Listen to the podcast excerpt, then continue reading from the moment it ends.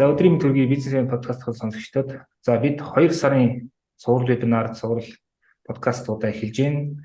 За энэ сарын сэдэв маань бас одоо хувийн хөгжилтэй холбогдож байна. За ингээд э, энэ сарын одоо эхний зөвлөх багш маань подкастын дугаард өргөдөж оролцсон. За энэ хүн бол э, коуч, сэтгэл засалж болормаа. За ковид үеэр маань сонсогчид санаж байгаа ковид үеэр бас манай вебинар подкаст оролцож ирсэн. За ингээд боломоо зөвлөх маань одоо алс холын Канад улсаас Онтариомижийн Кембриж гэдэг хотоос бид нартай холбогдож одоо онлайнаар подкаст маань оролцож байна. За өнөөдрийн битэрийн ярих сэдэв бас нэлийн өрмөц. За ерөөдөө подкаст маань болон одоо вебинарын маань сэдэв маань амьдралаа ерөн шинжлэх ухаантаар удирдах явах арга гэдэг юм ерхий сэдвтэй байгаа. За гэхдээ энэ сэдвийн дор бол одоо өнөөдөр би нэгдүгээр яг подкаст хөтлөн хоёрдугаар ерөөхдөө ингээд подкастын сэдвээс харахад нэлийн тийм сонирхолтой сэдвэр тийм лекц бас сонсох юм шиг гэж бодлоо бодож байна.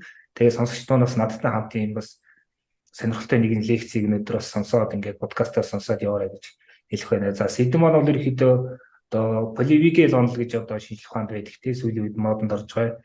Энэ одоо онол хандлагын талаар ярина энэ хандлагыг ер нь яг амьдралдаа практик байдлаар яаж одоо өөрийгөө хөгжүүлэхдээ өөрийгөө амар тайван байлгахад сэтгэл санаагаа одоо өдөртөхөд гэх юм уу тий ашиглах вэ гэдэг энэ талаар ярилцах юм аа. За ингээд э, ер нь яг энэ яг ямар учиртай онол вэ тий энэ яг биднэрт яагаад хэрэгтэй юм гэдгээс та эхлээд манай сонсогчд ярьж өгөхгүй юу. Аа эргээд уулзч байгаа да таатай байна. Маш их баярлалаа.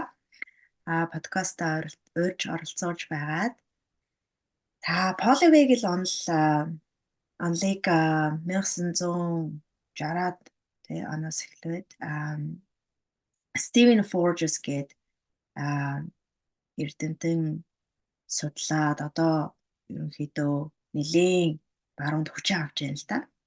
За Polyvagal онл нь болохоор хүний мэдрэлийн тогтолцоо яаж ажилладаг вэ гэдгийг болчлон зааж таниулж таниулж байгаа юм л да. Тэгэхээр мэдрэлийн бидний төв мэдрэлийн тогтолцоо болохоор аа бидний амийг хамгаалахын амийг хамгаалах үүрэгтэй байдаг. Амийг хамгаалах үүргээ гүйцэтгэхийн тулд секундэд 4-5 удаа одоо орчноо үнэлээд аюултай эсхийг тодорхойлж байгаа. Тэгээ энэ бүх үйл процесс маань болохоор хумсараас ангид явагддаг. За бидний биеийн температур өөрчлөгдөх, хоол боловсруулж боловсруулах үйл ажиллагаа за дотор болж байгаа ямар үйл явдлага явагдаж байна тэр болгоныг бид нэр хамсарлаад бүгдийг ингээд анзаараа таниад таньж чадахгүй шүү дээ тий. А энэ мдээгүй байхад ард ингээд болж идэг процесс. Тэгэхээр бидрэлийн тогтолцоо маань амиа хамгаалах энэ инстинкт үйлдэлийг үйлдэлийг хийх үедээ бүхнийг яг нь humсраас ангид хийж яадаг а гэсэн. За poly vagal гэж байгаа. Vagal гэдэг маань ургал мэдрэл. Vagal nerve гэдэг нь ургал мэдрэлийг хэлж байгаа. Тархинаас тархитаа тархинаас гарч 10 мэдрэлийн холбоосны нэг нь одоо vagal nerve буюу ургал мэдрэл. Ургал мэдрэл маань тарих тархинаас доошо уруудаад зүрх гол үндсэн зүрх уушиг гэх мэт гол үндсэн эрхтнүүдийн эрхтнүүдтэй ингэж холбогдоод а өртнөөс доош өрц хүрээд ингэж дуусч байгаа. Тэгэхээр тарих зүрх гол үндсэн дотоод эрхтнүүдийг холбосон бидний амиа хамгаалах инстинкт цаагаар ингээ удирдах идэг гол үндсэн мэдрэлийн систем байх нь. Энэ мэдрэлийн судлууд маань аюултай гэдэг тохио амагц цусыг тийм ээ цусыг үндсэн одоо нөгөө амиа хамгаалахад амиа хамгаалах тэр үйлдэлүүдийг хийх боломжтой эрхтнүүд рүү шахчин тухайлбал хөл гар тарих тийм ээ. Тэгээ ингэчингүүд үндсэн эрхтнүүдээс чинь цус чинь өөрөө хэлбэл очихоо болоод хөл гарлуу чинь шахагдаад үндсэн гол одоо хоол боловсруулах зүрх судасны үйл ажиллагаа, уушгины үйл ажиллагаа гэдэг энэ хавийн бүх өрхтнүүдийн үйл ажиллагаа маань хэвийн үйл ажиллагаанаас ажиллагаагаа төр одоо нөгөө хоош тав. Өөрөөр хэлбэл секундэд 5 удаа ингэж бидрэлийн тогтолцоо манай үйл байна уу гэдгийг эрэлхийлээд аюултай гэдэг тохио ангууд л үндсэн үйл ажиллагаагаа хоошин тавиад амиа хамгаалахын төлөө тэмцэлдэж хэрхэн штэ. Тэгэхээр орчин энэ мэдрэлийн тогтолцоо бидний өгдөл маань болохоор балар эртний цагт бол одоо жинхэнэ ингээл тулсан аюул тохиолдгоо тийм ээ маш хүчтэй амиа хамгаалдаг амиа хамгаалгуулалтыг хийлгдэг а орчин үед болохоор бед тулсан аратан амтан дайрах тийм үү? Бед тулсан айхтар аюул хүчтэй аюул тохиолдох нь ховор боловч байнгын low stress буюу ингээл байнгын жижиг гэхдээ арилдаггүй. Жижиг жижиг байнгын нөгөө амьдрал тохиолдчихдаг. Өдөр тутмын стрессүүд ингэ яваад байдаг. Тарих мэдрэлийн систем маань тэр аратан амтан дайрах одоо төгжрэлд байх энэ хоёр аюул энэ хоёрыг яг адилхан аюул шиг авч үздэг. Тэгэхээр ууг нь бол бидний системийн өгдөл маань байсаж байгаа нэг сайхан тэг ингээл ойд ингээл явж байгаа л цаа амьдарч байгаа л аратан амтан дайрах юм бол тэр мөчтөл бие хамгаалах зорилготой өгдөл шүү дээ.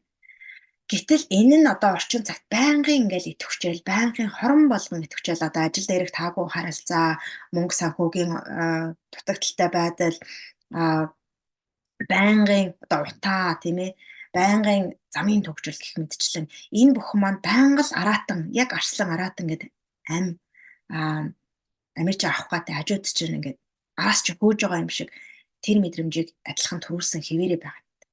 Тэгээ энэ стресс дунд ингээд удаан яваад ирэхлээр хүний суралцах чадамж а суралцах чадамж том юмыг том зургаар нь сурах чадамж төлөвлөх одоо бидний орчин үеийн амьдралд тунчхал хэрэгтэй тэр ур чадварууд сэтгэлгээний тэр сэтгэлгээнүүд сэтгэлгээний тэр сэтгэлгээгээ өөрөөр хэлбэл хөгжүүлж чаддаг. Энэ нь мэдрэлийн системийн үндсэн төлөвөттэй холбоотой. За neuroception гэдэг нэг чухал зүйлийг энэ улан олон ургуулын мэдл олон ургууланд ярьдаг л да. Энэ нь нөгөө төрүүнээс ахуулаад яриад байгаа секундэд 4-5 удаа humсраас ингээд мдээгүй байхад ажиллаад аюул байны үгүй гэдгийг илрүүлж идэг тэр өгөгдлийг нейробиологийн биеийн өгөгдлийг neuroception гэж байгаа.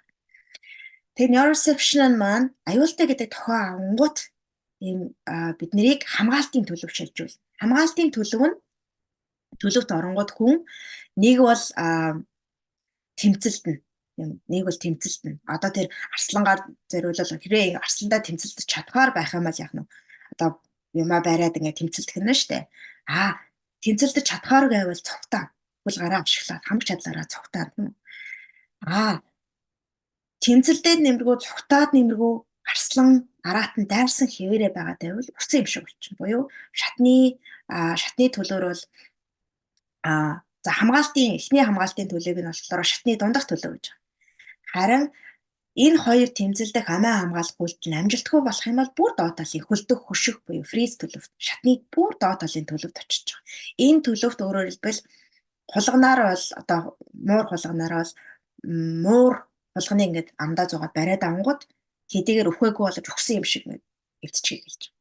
Энэ тохиолдолд тухайлбал хүнд энэ нь юугаар илэрхөө гэхлээр ямар ч хөдөлгөөнгүй болох үг ярьж чадахгүй болох дуу гарахаа болох бие хөшөх за өдөр тутмын ерөнхий амьдралд болохоор ямар ч ирчхүүчгүй болох орноосоо босох чадамжгүй болох нөгөө бидний яриад бас сэтгэл хөдлөлийн шинж тэмдгүүд илэрч байгаа. Ямар ч амьдрал утга утга учиргүй болох, ихтгэл найдваргүй болох, гарах гарцгүй болох а юм хийгээд ч нэмэргүй гэд хэвтээ төхнө штэ. А шатны гол дээд талын төлөвт нь энэс өмнөх төлөвт нь болохоор маш их тэмцэлддэг, асар их үйлдэл хийдэг. Ар араас нь гүйцэлдүүлдэг тийм ээ. За хэдүүлээ сэтгэл хөдлөлөөр ингээд яриад үзэх юм бол а сэтгэл хөдлөлөөр энийг илэрхийлэхий гэдэг юм бол а хамгийн дээд талын шатаар бол хамгийн дээд талын төлөвт нь бүх юм сайхан аюулгүй байна. Тэ? надад араатан амтан дайраагүй байна. Ямар ч амин талтай зүйл тохиолдоогүй байна. Энэ тохиолдолд шатны хамгийн дээд төлөвт байгаа. Шатны дээрээс бүх зүйл тод харагдана, тийм ээ. Тэгээ бүх зүйл том зургаар нь харагдахаас гадна алсыг алсыг харна хол хол сэтгэлгээтэй байна, сониучрах нь юм нь суралцсан, хүмүүстэй холбогдно, ярилцсан, шинийг эрэлхийлнэ. За би хамгаалтанд оронгууд шатны дундах төлөв рүү би шатнаас доошоо бууж байгаа шатнаас доошоо буунгууд хамгаалтанд орно. Хамгаалтанд орсон үед нөгөө тэмцэлтэн гэхэлэр уурлна, бухимдна, адгана, яарна а одоо юу гэдгийг тэмцэлдэж байгаа тийм сэтгэл хөдлөлүүд маш их гарч ирдэг. За тэмцэлээд болохгүй бол шатны дундах төлөвт хамгаалтын төлөв зүгтах шинж тэмдгүүд илэрнэ. Тэр нь сэтгэл дөгшин, айн, зүгтаан, шийдвэр гаргахаас хоош тавина тийм ээ юмаа хоошлуулна гэх мэтчлээ. Тэгээ энэ хоёр үйлдэл хийгээд тэр аюул хിവэрэ байгаа давд бүр доод талын шатны доод талын төлөвд очих буюу сэтгэл готрлын шинж тэмдгүүд илэрж байгаа юм л да. Тэгэхээр энэ жоохон ихсэн ихэн үед ойлгоход төвхтэй яж байна. Тэгээ тэгэхээр яг уу бас сонсогчдоо сануулхад яг энэ маань одоо нэг орчин үеийн нөө янз бүрээр л ер нь ярьж байгаа л та ингээд ялангуяа сэтгэл готрол гэдэг таярлаа. Энэ бол маш олон өнцгөөс нь хөндөж судлах ёстой юм сэдв болчиход байгаа. Одоо юу гэдэг орчин үеийн нийгмийн нэг тийм юу гэмдэ баг нэг шинж тэмдэг тий одоо сэтгэл готрол гэдэг бол маш олон ийм асуудалтай тулгарч байгаа тий. Тэгэхээр яагаад ийм болоод н гэдгийг бас одоо тайлбарлаж байгаа нэг онлайн хэлбэр гэж би одоо яг зүгээр сонсогчийн хуваар ойлголоо одоо поливик гэл онл гээд тэгэхээр юу асуумаар байна гэхээр а одоо нийгэм маань ерөөхдөө энэ сөрөг эмоцуудыг маш их одоо юу гэдгийг хар үгээрээ үйлдвэрлэдэг болцсон тий одоо стрессээс улбаатай янз янзын асуудалтай бид нар тулгарч байна.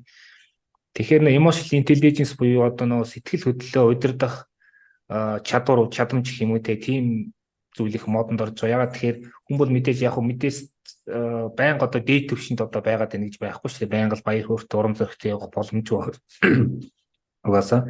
Тэгэхээр тэр нэг ирж байгаа тэр янз янзын сөрөг эмоцуудыг ер нь яаж менеж хийх үү те тэднэртэйгээ яаж ажиллах уу гэдэг миний зүгээр харж байгаа айгүй чухал болчиход байгаа юм шиг байна те тэрийг өөртөө болон одоо эргэн тойрондоо хажуудах байгаа хүмүүстэй хор бахтаагаар яаж одоо удирдах тэрийгэ таньж те угаасаа сөрөг эмоц бол зайшгүй А тэгтээ тэд нартэй ингээд одоо хайнтлын гэж ярих юм уу одоо англичууд ярьдаг те. Тэр талаас ер нь та яг э, юу юу гэж зөвлөх вэ те. Одоо яг бас одоо таны ярьж байгаа энэ онл хандлах энэ талаар бас ямар ололтууд байна гэдэг дээр бол. Аа. За а мэдрэлийн систем маань а аюултай гэсэн тохиог авмагц хамгаалтад шилжиждэг. Хамгаалтанд шилжсэн байгаа цагт хүн нэг бол уралдаг, нэг бол маш их дөгшиж айдаг а нэг л хөдөлгөөнг болчдөг байна шүү. Тэгээ энэ энэ тохиолдолд мэдрэлийн систем биемээр аюултай байна гэд хамгаалтанд ороод агшцсан байгаа тохиолдолд сэтгэл хөдлөлөө удирдах, хүмүүстэй сайхан харилцах, тийм ээ. Аа, уур уцаараа барих, аа одоо биеэр урсгаад гарах, тэрийгэ зохицуулах боломж бараг тийм чадамж нь байхгүй. Өөр тархиар бол одоо шатны шатны 3 төлөвийг болохоор би тархиар яриад байна тийм ээ. Энэ доод амиа хамгаалах гол доод талын тархи маань а хамгийн их хэлж үүссэн. Энэ нь болохоор шатны доодох төлөвийг илэрхийлж байгаа. А дундах төлөв нь болохоор нэг сэтгэл хөдлөлийн тархи. Тийм ээ. Хамгийн дээд талын тэр шатны дээдэх мэдрэлийн системийн төлөв гэдэг нь дээд үндсэн оюулыг тархийг хэлж байгаа. Гэтэл энэ доод талын хоёр тархинд нь аюултай гэдэг тохиол буюу бид аюултай байна гэдэг ирсэн тохиолдолд дээд тархи ажилдаг. Өөрөөр хэлбэл тэр тархи унтраалттай байна. Тэр унтраалттай байгаа цаг сэтгэл хөдлөө удирдна. Уур уцаараа байрна. Нөгөө хүмүүлөө хүнлүү хашгирах гэсэн бол болно гэдэг бараг боломжгүй зүйл.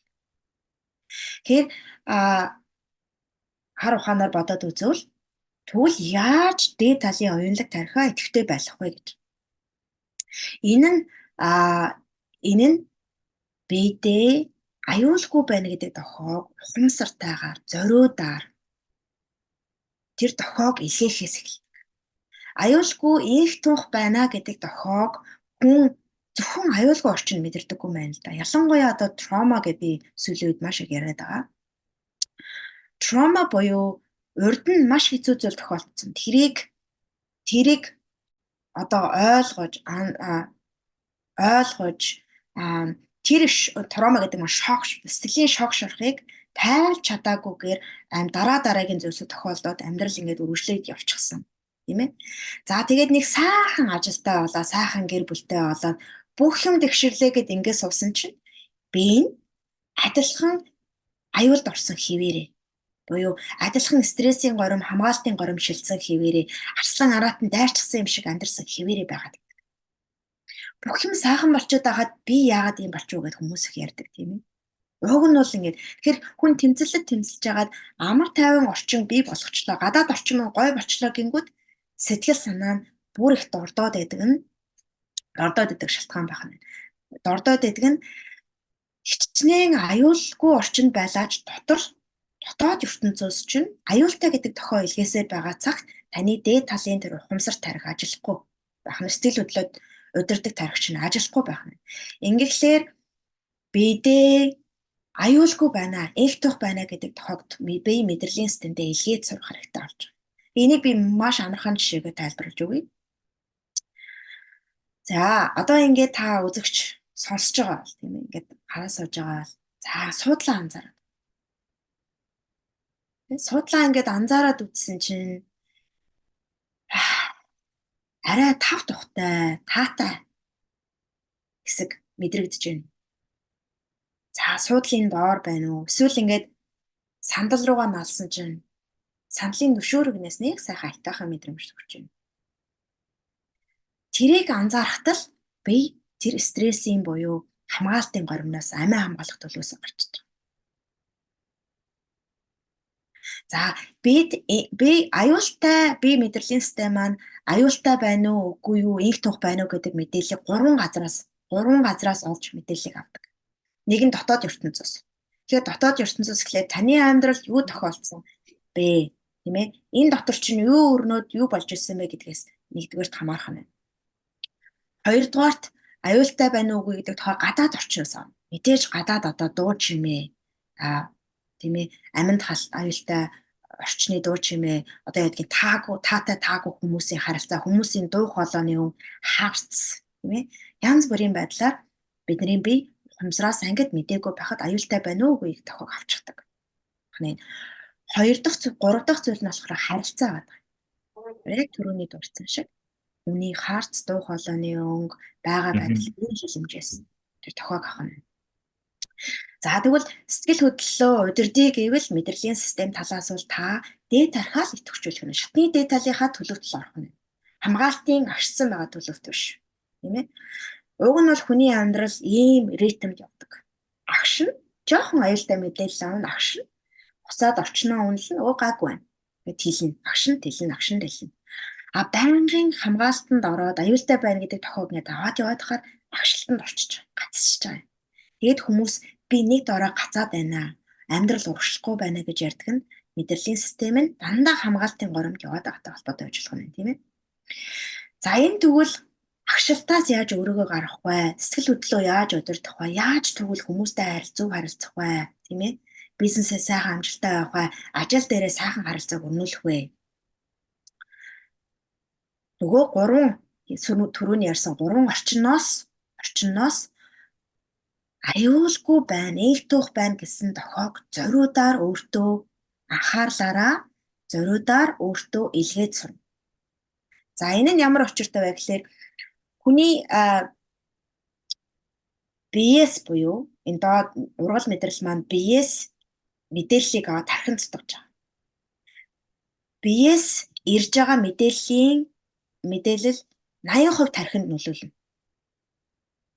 Тэгэхээр бие маань тархинд 80% нөлөөлж идэг. Мэдрэлийн систем маань тархинд 80% нөлөөлж идэг. Тэгээд энэ мэдээллийг тархи маань боловсруулаад тархи бол одоо компьютер шиг софтвер систем тийм үү. Тархи маань тэрийг боловсруулад perception буюу ертөнцийг үүсэх үзлийг бий болгоно.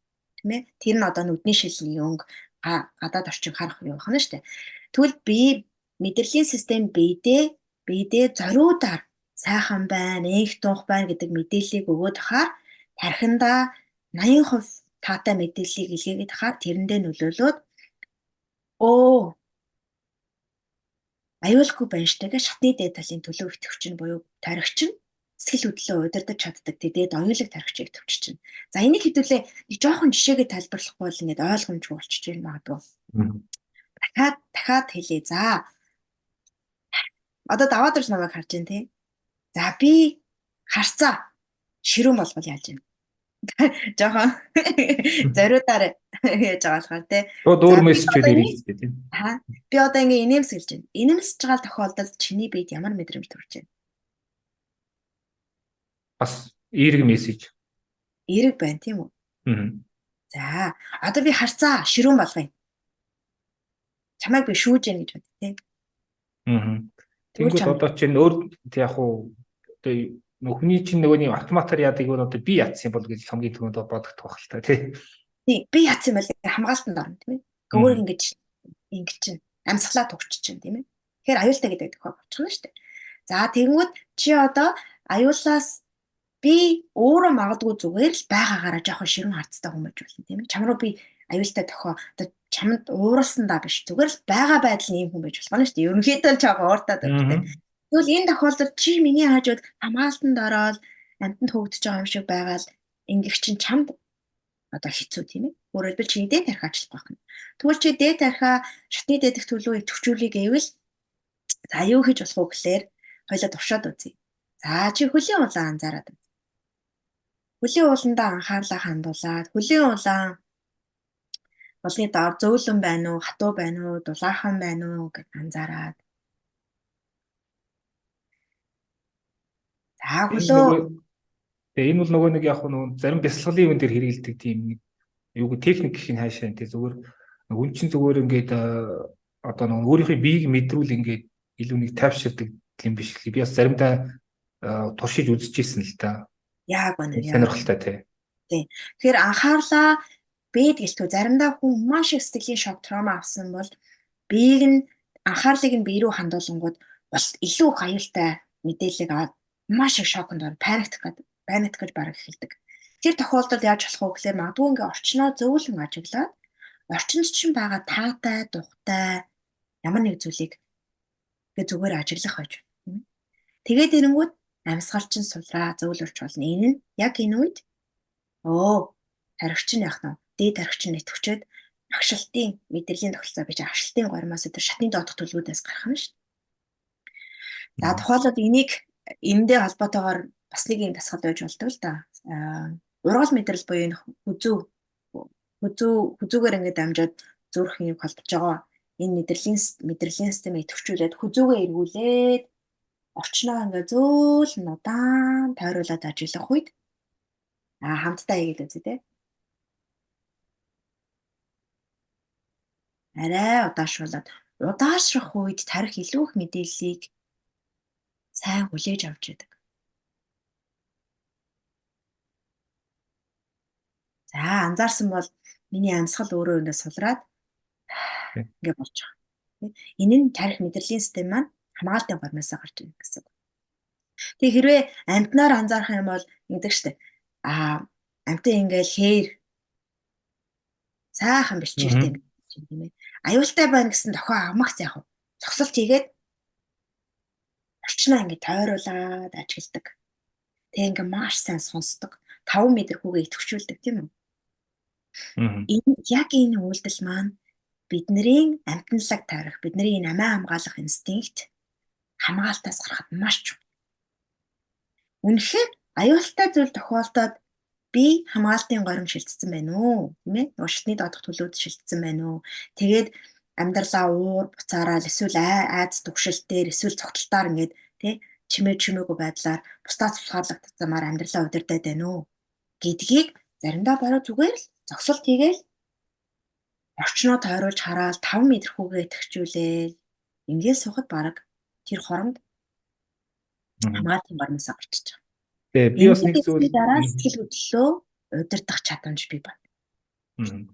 Нэг зүйл сонирхолтой нь юу гэхээр одоо яг над бас нэг хүн ярьж ирсэн ингээд бидний одоо энэ юу гэдгийг дотор болж байгаа энэ бүх процесс энэ ухамсараас гадна гэдэг ярьдэн шүү дээ. Маш За баг одоо юу гэдгийг 70 80% нь ингээд ухамсараас бидний гаргаж байгаа шийдвэрүүдийн 70% нь одоо хэдийн одоо тийм ухамсараас гадна ингээд шийдэгдсэн байдгаа те тодорхой болцсон байдаг гэх юм уу.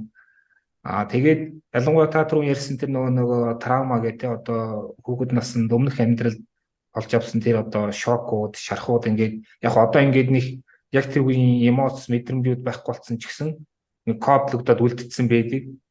Тэгээд далдуур ингээд э, бидний амьдралд ингээд амар хүчтэй нөлөөсөх хэвээрээд тэрийг бид нэгээд даанч ухамсарлаж ойлгодгүй лээ.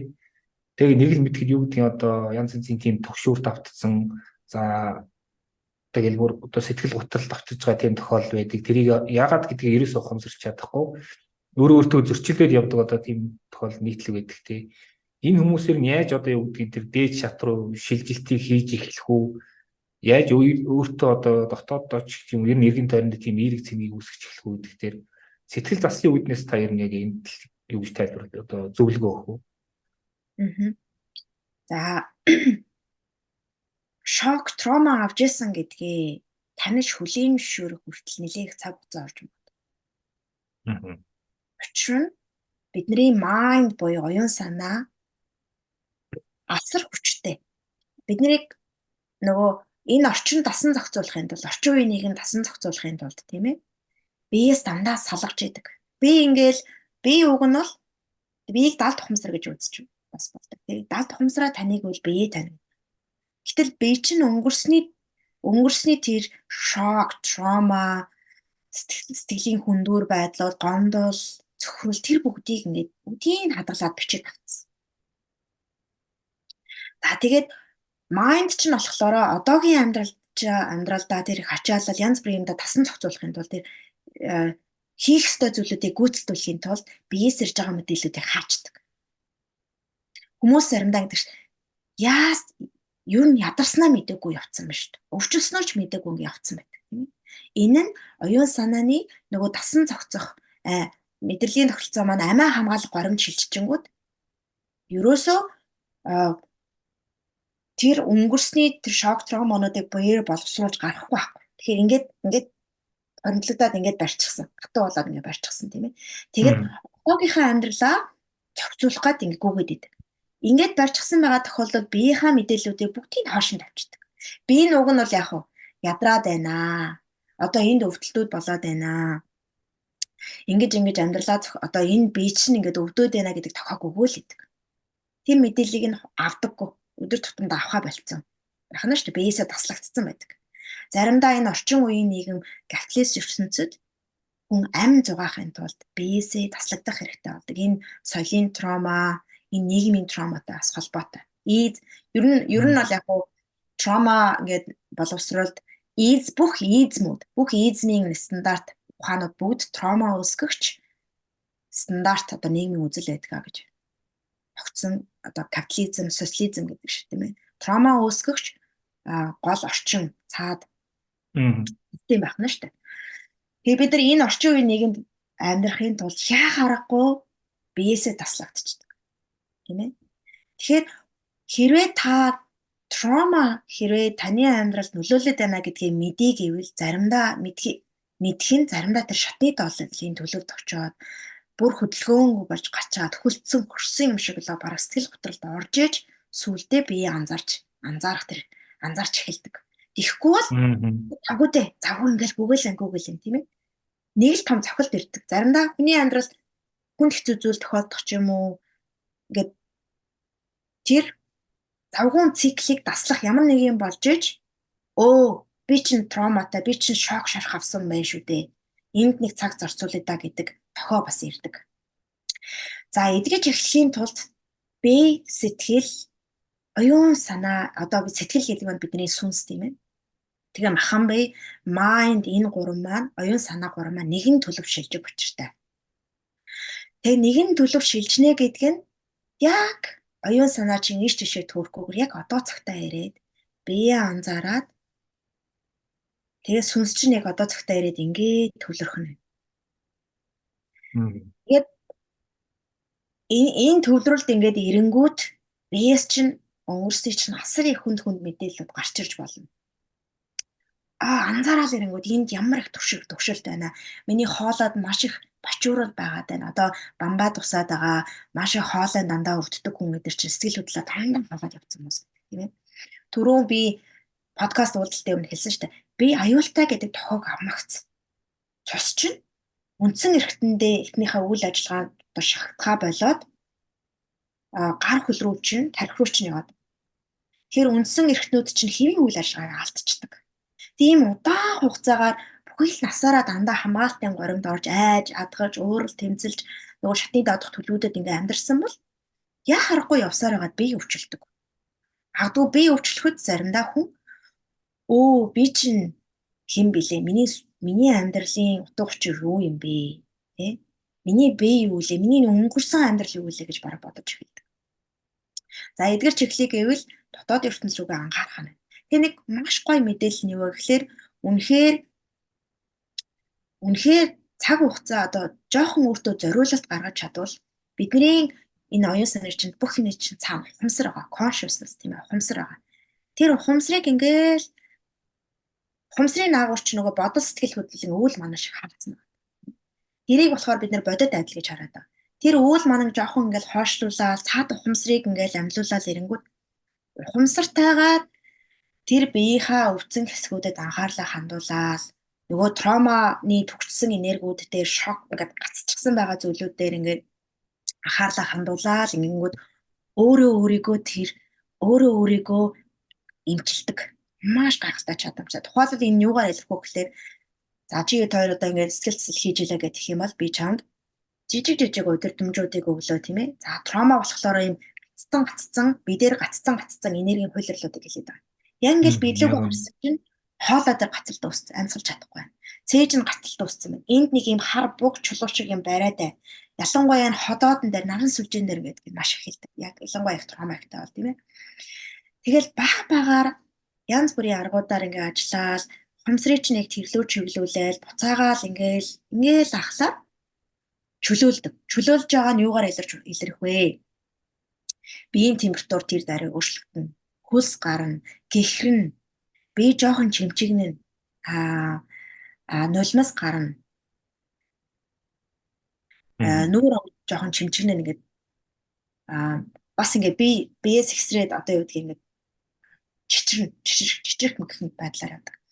Гэхдээ жоохон удирдлагатайгаар энэ зүйлүүдийг хийхгүй болохоор маш олон жил сэтгэл хөдлөлөө хаагаад явчихсан шок травма ихтэй бол гинт өөрлөө ингээд дотоод ертөнц рүү анхаарлаа хандуулангууд тэрийг боловсруулж гарах мэдрэлийн систем чинь тийм боловсруулж гарах чадамж нь тогтоогүй бол буюу аа нөгөө түрүүний хэлсэн шиг яг тух мэдрэмжийг авч таашааж өөртөө өгч дадаагүй дандаа хамгаалтын горимд явчихсан бол гинт дотоод ертөнц рүүгээ хандуулсан чинь бүх юм аюултай санагдаад паникт ороод одоо зөксөж сууж тэмцээ одоо сууж чадхаа байлдаг. Тэр энийг titration буюу баах багаар баах багаар суулгах маш чухал болчихж байгаа. Хит нээвэл одоогийн амьдралдаа тасан зогсож чадахгүй хит эмзэг болно, хит уурлна, хит бухимдна, бүх юм оргилж гарч ирдэг. Аа. За мэдээж ийм юм зүйлсүүдийг хийхээс гадна том зургаар нь бас үрдэг ажиллах, идэх хоол, тийм ээ, хоолн дээрээ ажиллах, дасгал хөдөлгөөн дээрээ аа за тэгээд энэ дотоод ертөнцийн дотоод хүртхүүн эдгэрэл дээрээ ажиллах, харилцаан дээрээ ажиллах гэх мэтчлэн ингээд том зургаар нь олон зүйлүүд дээр ажиллахаас ажиллах бас тустай л да. Аа. Тэгээ саяны яриан дээр яг хуу би нэг л бодол төрж ирд юу гэхээр аа хүн ер нь ингээд нөгөө нэг хамгийн хэцүү ажил нь яг өөртөө өөртөө ажиллах ингээд яг өөртөө тийм яг шудрах тийм чин үнжих юм уу нээлттэй диалог одоо өрнүүлэхтэй тэр айгүй хэцүү юм шиг л. Яг тэгэхээр сая таач гэсэн ярьж байгаа ингээд янз янзын тийм одоо бөөгнөрцөн тийм сөрөг цэнгүүд бидний дотор байгаа те. Ер нь хүн болгонд л тодорхой хэмжээгээр их байгаа хэмжээгээр. Тэгээ тэрнтэйг нүүр тулахаар ингээд айгаад тэрийгэ байнг санаатаагаар дарсаар гаа сүлдээ тэрийг тэгж ийн гэдэг ч анзаархаа байдаг те. А тэгээд юу гэдгийг одоо personality би одоо монголоор одоо хөв хөнгөнэ би хүн гэдэг нэ тийм нэг ойлголт байгаа те. Тэр чинь бол уг нь ингээд яг одоо өөр өөрийгөө таньдаг мэддэг а бусдын одоо хүлээлтээс гадуур ингээд өөрийгөө үнэлж одоо бодитоор үнэлж чаддаг. Тэр хүний чинь л одоо жинхэнэ тэмний одоо төлөвсөн бие даасан хүн гэдэг. А гэтэл ингээд зүгээр одоо эргэн тойрны анхаар а яг өөр өөрөө биш. А тэг өөр өөртөө яг уулзахаар ингээд тэрнээс айдаг яг тэрнтэйг ажиллаж чаддгүй а тэгээд гадаад орчноос ингээд янз янзын одоо юу гэдгийг тэр нэг би гэдэг тэрийг бүрдүүлэх гээд одоо эд хөрөнгө юу гэдгийг одоо алдар нэг янз янзын тим ингээ нөхөхгүй л оролдоод байна л та тий. Гэтэл ингээ сүулт яг ингээ өөрөө өөртөө байгаа юм чинь ямар нэг байдал дээр одоо тэр нь дүр дагавар нь гарч шүү дээ тий. Тэгэхээр хүн өөрөө өөртөө яаж тийм одоо нээлттэй харилцдаг болох уу? Энийний тулд эхний алхам нь юу байж болох уу те. Ер нь яг өөрөө өөртөө айцхгүйгээр одоо тэр ер нь бол сэтгэл судлаач яддаг шүү дээ. Ер нь яг муу эмоц гэж бол байдаггүй те бүгднтэй нь ажиллаж болно. Одоо тэднийг ингээд анзаараад зүгээр хүлээж зөвшөөрөөд ингээд урсгаад гаргачихад бол ингээд байдал шал уралдаг энэ төр гэж ярьдаг тий. Аа тэгээд яг юм өөртөө зөрчилдөөд нэг л юм тэнцвэртэй цэгийг олж чадахгүй үед ер нь яг хүн яах хэвтэй байдгийг тий. Орчноо солих хэрэгтэй байдаг юм уу? Эсвэл одоо хүрээлээ солих хэрэгтэй байдаг юм уу? Ер нь яг яаж нэг юм ийм сонин ийм адгуу тойрог өсөр нэг гарах вэ гэж асуух гээд байна л да. За Маш зөв асуулт. Аа, ер нь хүн энэ дэлхий дээр хамгийн хүнд ажил миний бодлоор яг тэр дотоод одоо мэдрэлийн тогтолцоо дээр дотоод нарийн хүртгүүн тэр нэг бөөгөн өрлүүдийг анзаар сулалцар. Буюу дотоод ертөнц рүү анхаарал хандуулах. Яг ингээд анхаарлаа хандуулаад ирэнгүүт үнэхээр хэцүү. Уйлна. Тийм үнэхээр тийм амар ажил бол биш. Тийм учраас дэмжлэг авах маш чухал. Хамгийн ихний хийх зүйл бол та өөрөө өөрийгөө а одоо үнэхээр удаан гацаанд явчихсан бол өөрөө өөрийгөө имжлэн гэж байхгүй. Өөрөө өөрийгөө эдгэн гэж байна. Энэ нь co-regulation гэдэг нэг утгуунаар яриад байгаа. Co-regulation is before self-regulation. Өөрөө өөрийнхөө сэтгэл зүй бүрэн сайхан удирдах сурахын тулд тэрнээс өмнө одоо төлөв төвшин хүний тийм ээ мэдрэлийн системээр дамжуулан өөрийгөө тайтгаруулж сурах. Өөрөөр хэлбэл та нэг итгэдэг, хажууд нь байхад нэг уярч уусарч чаддаг.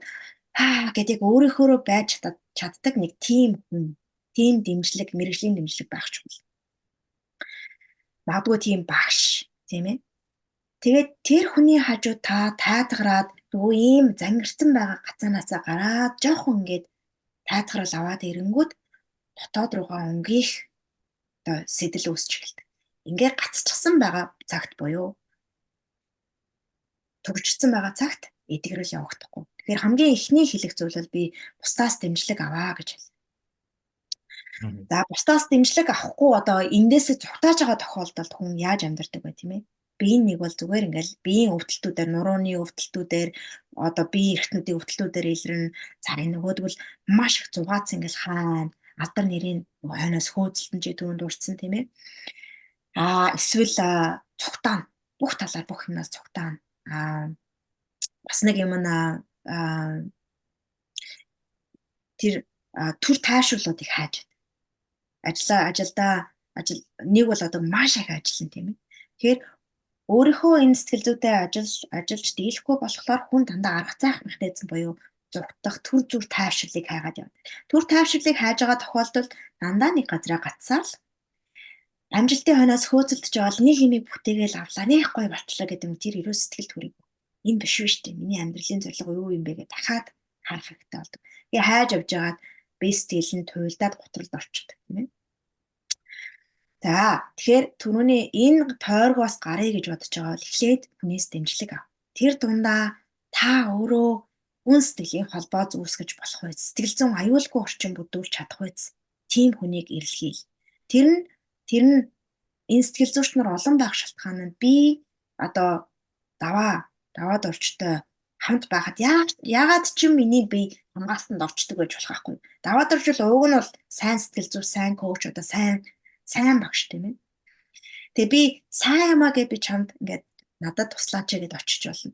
Гэтэл миний би чам чамтай ямар нэгэн байдлаар чиний мэдрэлийн тогтолцоо одоо чамтай хамт байхад ерөөсөө тайтгар тайвширч чаддаггүй бол өөр хүн хэрэгтэй болно тийм үү. Тэгэхээр тэр хүн хинбэ? Тийм дэмжлэг авах нь маш чухал. Тэгэхээр англи хэлээр бол бус self regulation is before одоо co-regulation is before self regulation.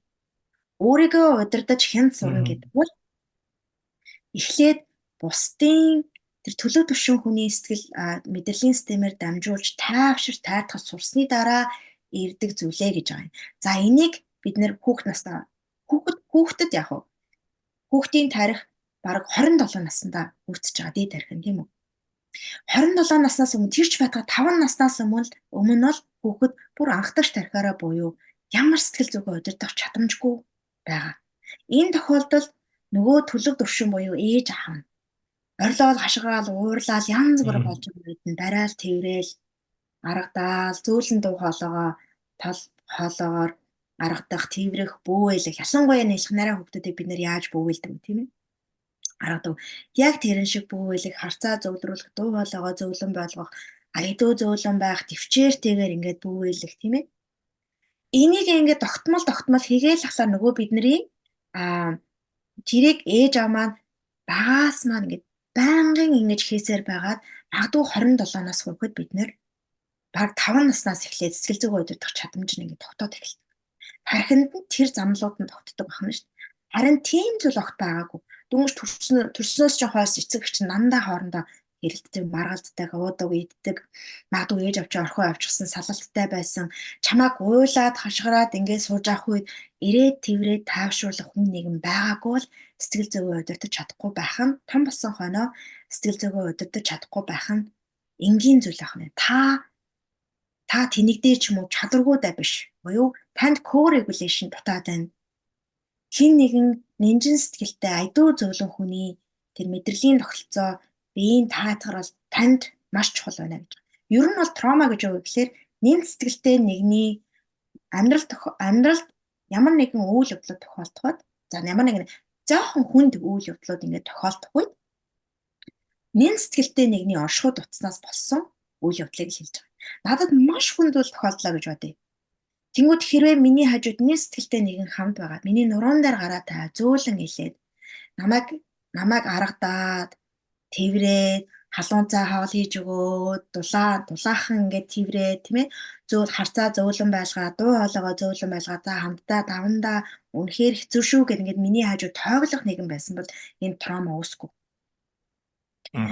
Тэгэхээр эндээс эргэн эдгэрнэ гэдэг нь тэр нэн сэтгэлтэй нэгний нэгний оршихуйг өөртөө дэмжлэг болгож авах. Тэрнээс эхэлнэ. Тэгээд хоёрт нь цаг хугацаа өөртөө олгох. Хүмүүс адардаг. Би одоо энийг хурдан эдгэчээд эндээс итгэчээд тэгээд би ийшээ юм химээрэй гэж. Уучлаарай энэ трома сэтгэх нь би сэтгэлээ эдгэн гэдэг бол баг энэ мөнхийн ажил. Танаас сүнснийхаа мөнхийн эдгэрлийг хийж байгаа зүйл. Адуу та өмнөх төрлүүдэд одоо ингээд дандаа таны гол механизм чинь цогтож явдаг. Тийм ээ. Тэгээд магадгүй одоо дийлдэхээ болж байгаа бол энэ төрөлдөө уучлаарай сүнсний одоо нэг талаараа тромоноос эдг нь энэ мэдрэлийн стендик ажиллана гэдэг чинь тэр сүнсээ мөнхөд зовлонгийн тойргоос гаргаж байгаа нэг хэлбэр шүү дээ тийм ээ. Яг яриад байвал зөндөл юм байна л да. Тийм байна. Аа тэгээд ерөнхийдөө подкастынхаа сүүлийн асуултыг асууя гэж бодлоо. Бас сэдв маань бас нэлийн тийм амар сэдв биш те.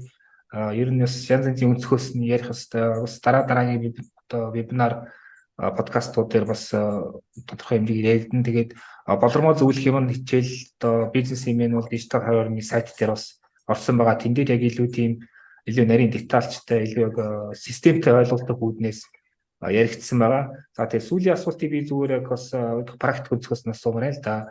Бид нэр өдөр болгон янз янзын байдлаар ингэ шийдвэр гаргадаг тийм ээ. Аа тэгэхээр яг уу ялангуяа бизнес хийж байгаа хүмүүс нэг тийм зарчим байдаг юм л дээ. Ерөнхийдөө эмоц ихтэй үедээ юм уу эсвэл сөрөг эмоцтой үедээ ч юм уу аа шийдвэр гаргах юм хэрэггүй гэдэг. Аа тэгэхээр зүгээр яг одоо энэ таны ярьж байгаа энэ полигвел онолтой яг энэ яг шийдвэр гаргахтай яаж ер нь холбогдож байна те энэ одоо онлын ололт нь яг хүмүүс зөв шийдвэр гаргахыг нь яаж тусгаарлах вэ те энэ дээр та бас зарим нэг тийм зөвлөгөө өгвөл. Яг үнэ. Тэгэхээр би маань хамгаалт мэдрэлийн систем хамгаалтын горимд ажил ороод тийм ээ амигаа хамгаалах аюултай байна гэдэг тохиогоод хамгаалтанд орчингуул орчих юм бол хүн ерөөсөө амиа хамгаалах л шийдвэрийг гаргав. Тэгээ шатны дундах төлөвд орчих нь шүү дээ. Дээд тархич нь ажиллахгүй гэсэн. Тэгэхээр нэг бол хүмүүстэй тэмцэлдэг би танаа хөдөлээд өгнө гэсэн тийм шийдвэрийг гаргав. Нэг бол бусдаас цугтаах гаргав. Эсвэл огт шийдвэр гаргахгүй бүр хоош нь тавиад хоош нь тавиад өмнөөс нэхин нэгэн шийдвэр гаргав. Ийм нэг 2 3 хаал төлөв байна. Одоо дөрөвдөх нь бол юу гэхээр бусдын таал шийдвэр гаргав. Яаж бусдад таалагдах уу гэдгээр шийдвэрээ гаргав. Ийм юм байна. За зөв шийдвэр гаргая гэвэл өөрийнхөө мэдрэлийн систем биеийг тэр хамгаалтын гормоос гаргаад гараад ирэх нь дээ. Тэр нь асар том үйлдэлүүд байх албагүй. Магадгүй нэг хэсэг хугацаанд амьсгалаа аваад удаанаар гаргаад суух үед ургал мэдрэл идэвчдэг. Ургал мэдрэл идэвчнэ гэдэг нь мэдрэлийн систем чинь системийн чинь дээд талын тэр шатны дэдх төлөв идэвчэж эхэлнэ. Нэг 2 минут гүнзгий амьсгал аваад удаанаар гаргаад суух. Тэр үед бидээ ирж байгаа таавшрлуудыг анзаарах. Цааныг сойхон бие бие хөдөлгөөд бие стрессийн гормоос гаргаад нэг сайхан тайта тухтай мэд өртгөө мэдрэмжийг өгөх тийм ээ бодлоос гарах нь штэ. Энийгээ бодоол ингээд байгаа цагт нөгөө нэг хамгаалтын гороонд байсан хэвээрээ байна. Харин одоо цагтаагаа холбогдоод биетэйгээ холбогдоод 5 мэдрэмжтэйгээ холбогдох үед шийдвэр гаргалтын чинь дээд талын тарих идэвхж чинь. Шатны дэдх төлөв идэвхж чинь. Тэр тохиолдолд хүн ямар шийдвэр гаргадаг вэ? Энэ дэлхийд за байгууллагада тийм яаж энэ шийдвэр маань хүмүүст яаж нөлөөлөх вэ гэдэг тухай бодно. Амиа бол би ганцхан яах вэ гэдэг тухай биш байна шүү дээ. Үзүүлээд үгүй эгогоор биш байна тийм ээ. Хүмүүст яаж? Хүмүүст одоо манай бизнес том зургаараа яаж нөлөөлөх вэ? Цаа талын алсын гараатай маань яаж нийцэх вүлээ? Тийм ээ. Тэгвэл энэ шийдвэрийг гаргахад энэ энэ хүмүүст яаж нөлөөлөх вэ? Энэ нөлөөллийг нь яаж бууруулах вэ? Сайжруулах вэ гэдэг ч юм тийм ээ. А магадгүй шийдвэр гаргачаад эрсдэлтэй шийдвэр байх юм бол зориудаар эрсдлийг аваад зориудаар эрсдлийг ингэж аваад эрсдлээсээ дандаа сурах зүйлийг хаах. Оо энийг энэ эрсдлийг гаргачаад юу сурч болох вэ гэдэг ч юм. Сониуч байдал, алсыг харсан. Аа бусдын төлөө одоо бусдын төлөө гэдэг нь нийтийн сайн сайхны төлөө. Ганцхан амиа хамгаалсан юм биш үү? Ганцхан би өнөөдөр аа өнөөдөр нэг бусдаас илүү харагдаад нэг бусдаас илүү мөнгө олчих болно биш тийм ээ. Монгол нийгмийн төлөө бие биенийхээ төлөө том зургаар нь тийм илүү мэрэгэн ухаантай шийдвэр байгаа. Энэ нь бидээ бидээ бууж ирээд тийм ээ махан бидээ бууж ирээд махан биеэ таавшруулад мэдрэлээ системээ таавшруулад тэгээд амьсгалаа суллаад нэг ийм болцсон байгаа энэ гормоосоо гараад дэлгэрээд ирэнгүүт асар зөв шийдвэрүүдийг ар араасаа гаргаж эхэлнэ л дээ. Гэтэ энэ нь мэдээж түрүүний хэлсэн нөгөө мэдрэмжтэйгээ нүүр тулгаас эхэлнэ мэдрэмжтэй нүүр тулаагүй тохиолдолд яадаг гэхлээр одоо бассейнаар төсөөлье л та тий. Бассейн дээр бөмбөг тавьсан. Тийм ээ. Тэгээ бөмбөгийг бүх хүчээрээ ингээд дараад буюу тэр бөмбөг сэтгэл хөдлөлтөд зөвлөж болохгүй тий. Таны бие биед ирж байгаа бүх мэдээллүүдэд зөвлөж болох. Тэрийгээ ингээд хамаг хүчээрээ дараад тэгээд хажуугаар нь бизнесээ авч явах гээд нөгөө сурч хөгжчихгүйд ингээд яваад байгаа. Тэгэхээр чи хамаг хүч нь нөгөө сэтгэл хөдлөлөө тарих өөрөөсөө цогтаахад зориулагдчихад яг өмнөө байгаа амьдралаа сайжруулахад зориулдаггүй. Тэгэхээр шийдвэр яаж гарах вэ гэдэг нь ойлгомжтой болж байна те. Гой зөөрлөө. За тэгээд энэ удаагийн подкастын дугаарыг өндөрлж байна. Аа манай зочноор Канадын Онтарио мужийн Кембриж хотоос болормоо зөвлөх маань холбогдлоо коуч сэтгэл засалж. За тэгээд удахгүй цагаалсруулан та бүхэн сайхан шинэлэрээ тэгээд сонсогчдоос уриалахад одоо саяны сэдвэр яг би нэг гол мессежийг зүгээр хүргэмээр байгаа хүмүүс нөгөө өөрийгөө хайрлах гэдэг ойлголт майгуу чухал юм байлээ ер нь тий тэр бол одоо юу гэдгийг одоо амиа хичээх гэдэг юм уу өөрийгөө бодох гэдэгс шал өөр тийм ээ. Яг өөр өөрийгөө танихаас эхэлдэг тийм чухал алхам тэгэхээр луу жилдээ тав хүн өөр өөртөө хийх тэр одоо диалог тий харилцан яриа өөрийгөө таних тэр үйл явцыг эхлүүлээрэ өөрийгөө хайрлаарай баярлаа За урьж орцуулсан маш их баярлаа. Сайхан шинэлээрээ. Баярлаа би сэтгэлийн оюуны эдгэрлийг Thank you